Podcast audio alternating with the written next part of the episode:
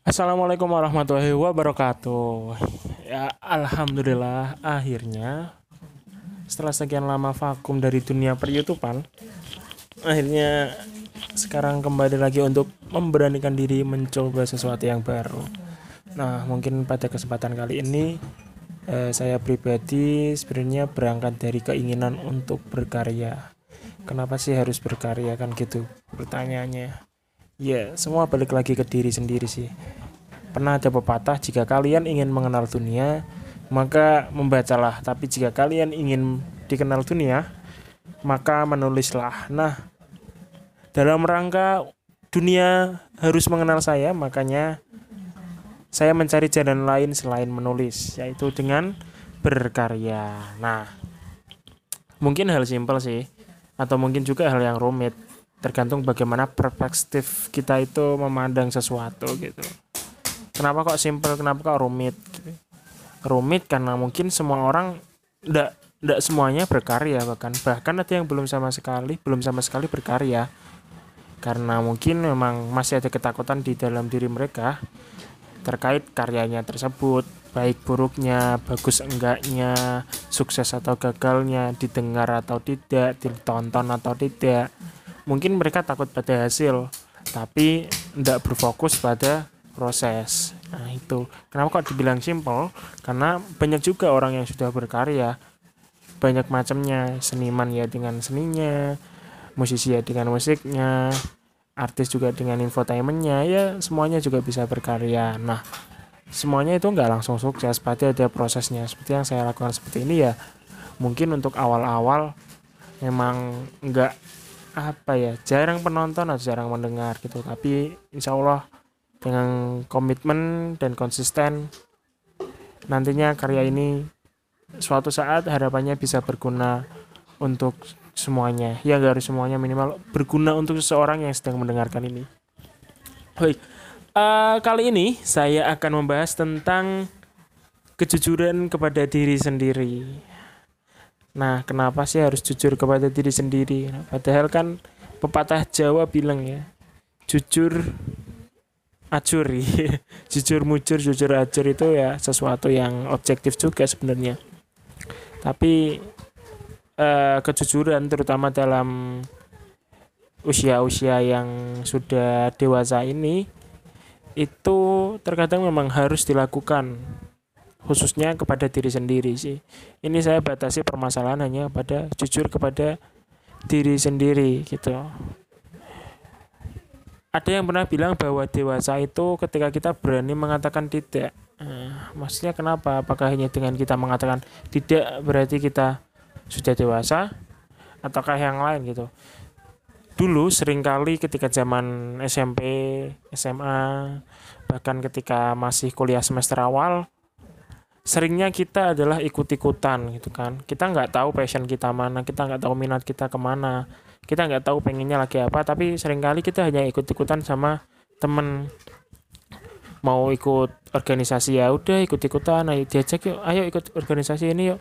Ya udah ayo ikut itu padahal itu belum tentu passion kalian belum tentu minat kalian tapi kalian asal ikut-ikutan aja kan. Akhirnya yang kalian ngejalaninnya nggak nggak sepenuh hati itu terus katakanlah uh, lagi pengen nugas lagi pengen ngejar deadline tapi tiba-tiba teman-teman ngajak nongkrong nongkrong yuk uh, di cafe inilah.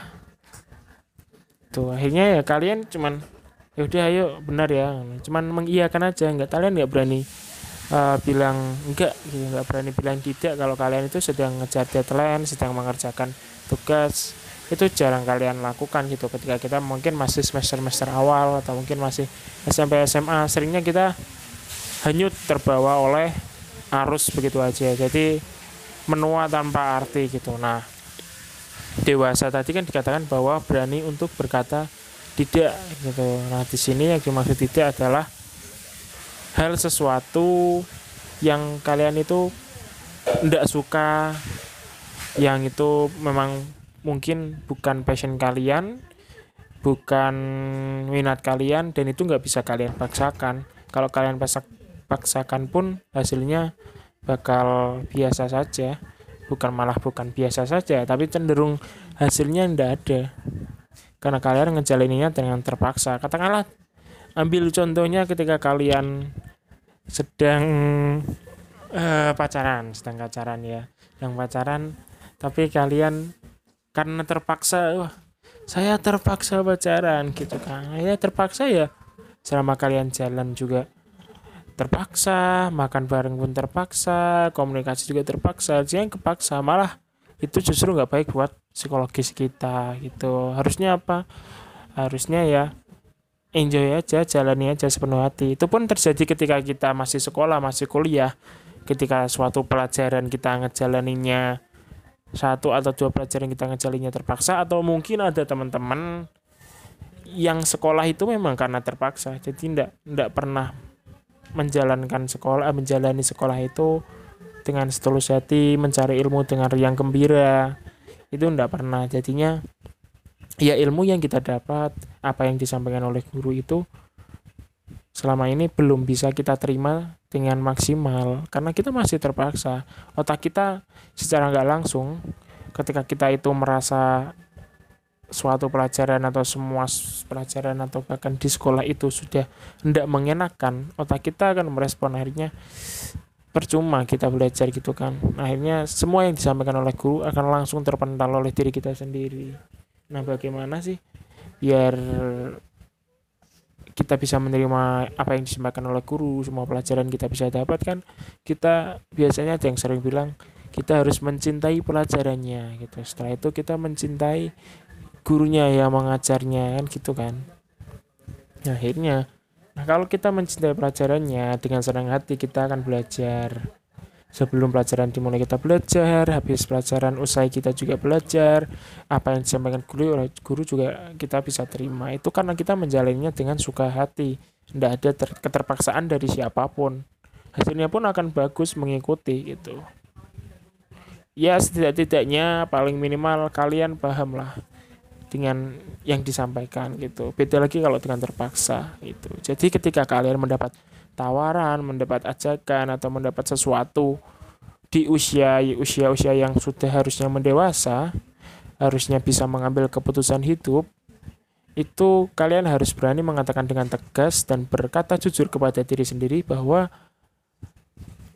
kalian punya passion sendiri, kalian punya minat sendiri, kalian punya sesuatu yang ingin kalian gapai, bukan hanya sekedar ikut-ikutan. Ya mungkin ada beberapa orang yang dia ikut-ikutan, asal-asalan, terus akhirnya sukses. Tapi percayalah 100% bahwa dia itu nggak hanya sekedar ikut-ikutan, dia pasti sudah memikirkan dan yang pasti menjalaninya bukan karena keterpaksaan, tapi karena dia ingin belajar sesuatu yang baru. Jadi beda ya. Ketika kita hanya sekedar ikut-ikutan atau kita tertarik akhirnya terus kita mempelajari sesuatu yang baru tersebut gitu. Ambillah contoh saya pribadi. Dulu saya adalah seseorang yang mungkin ke teknologi itu tidak terlalu up to date karena saya itu ya maklum lah pemuda desa. Jadi teknologi tidak up to date gitu.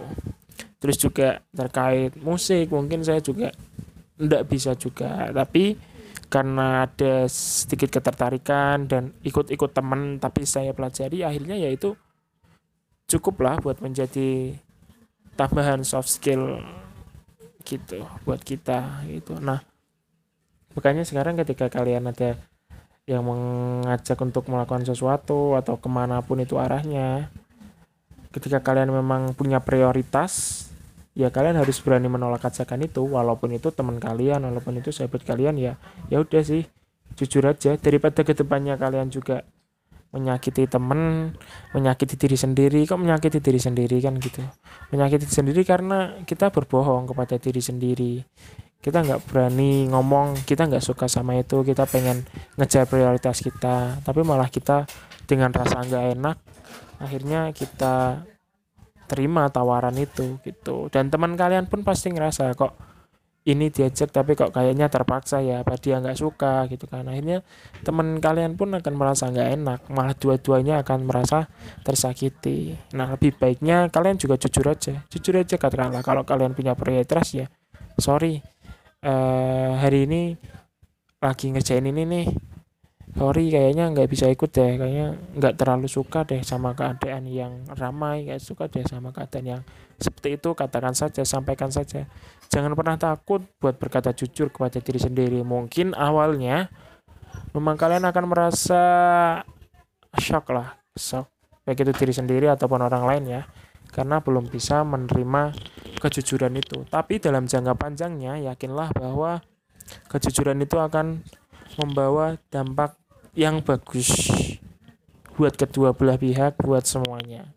Jadi jangan takut buat berkata jujur. Nah, mungkin itu saja ya. Nanti kalau ada pertanyaan kita sambung di kolom komentar ya dari saya mungkin cukup sekian. Saya tutup. Assalamualaikum warahmatullahi wabarakatuh.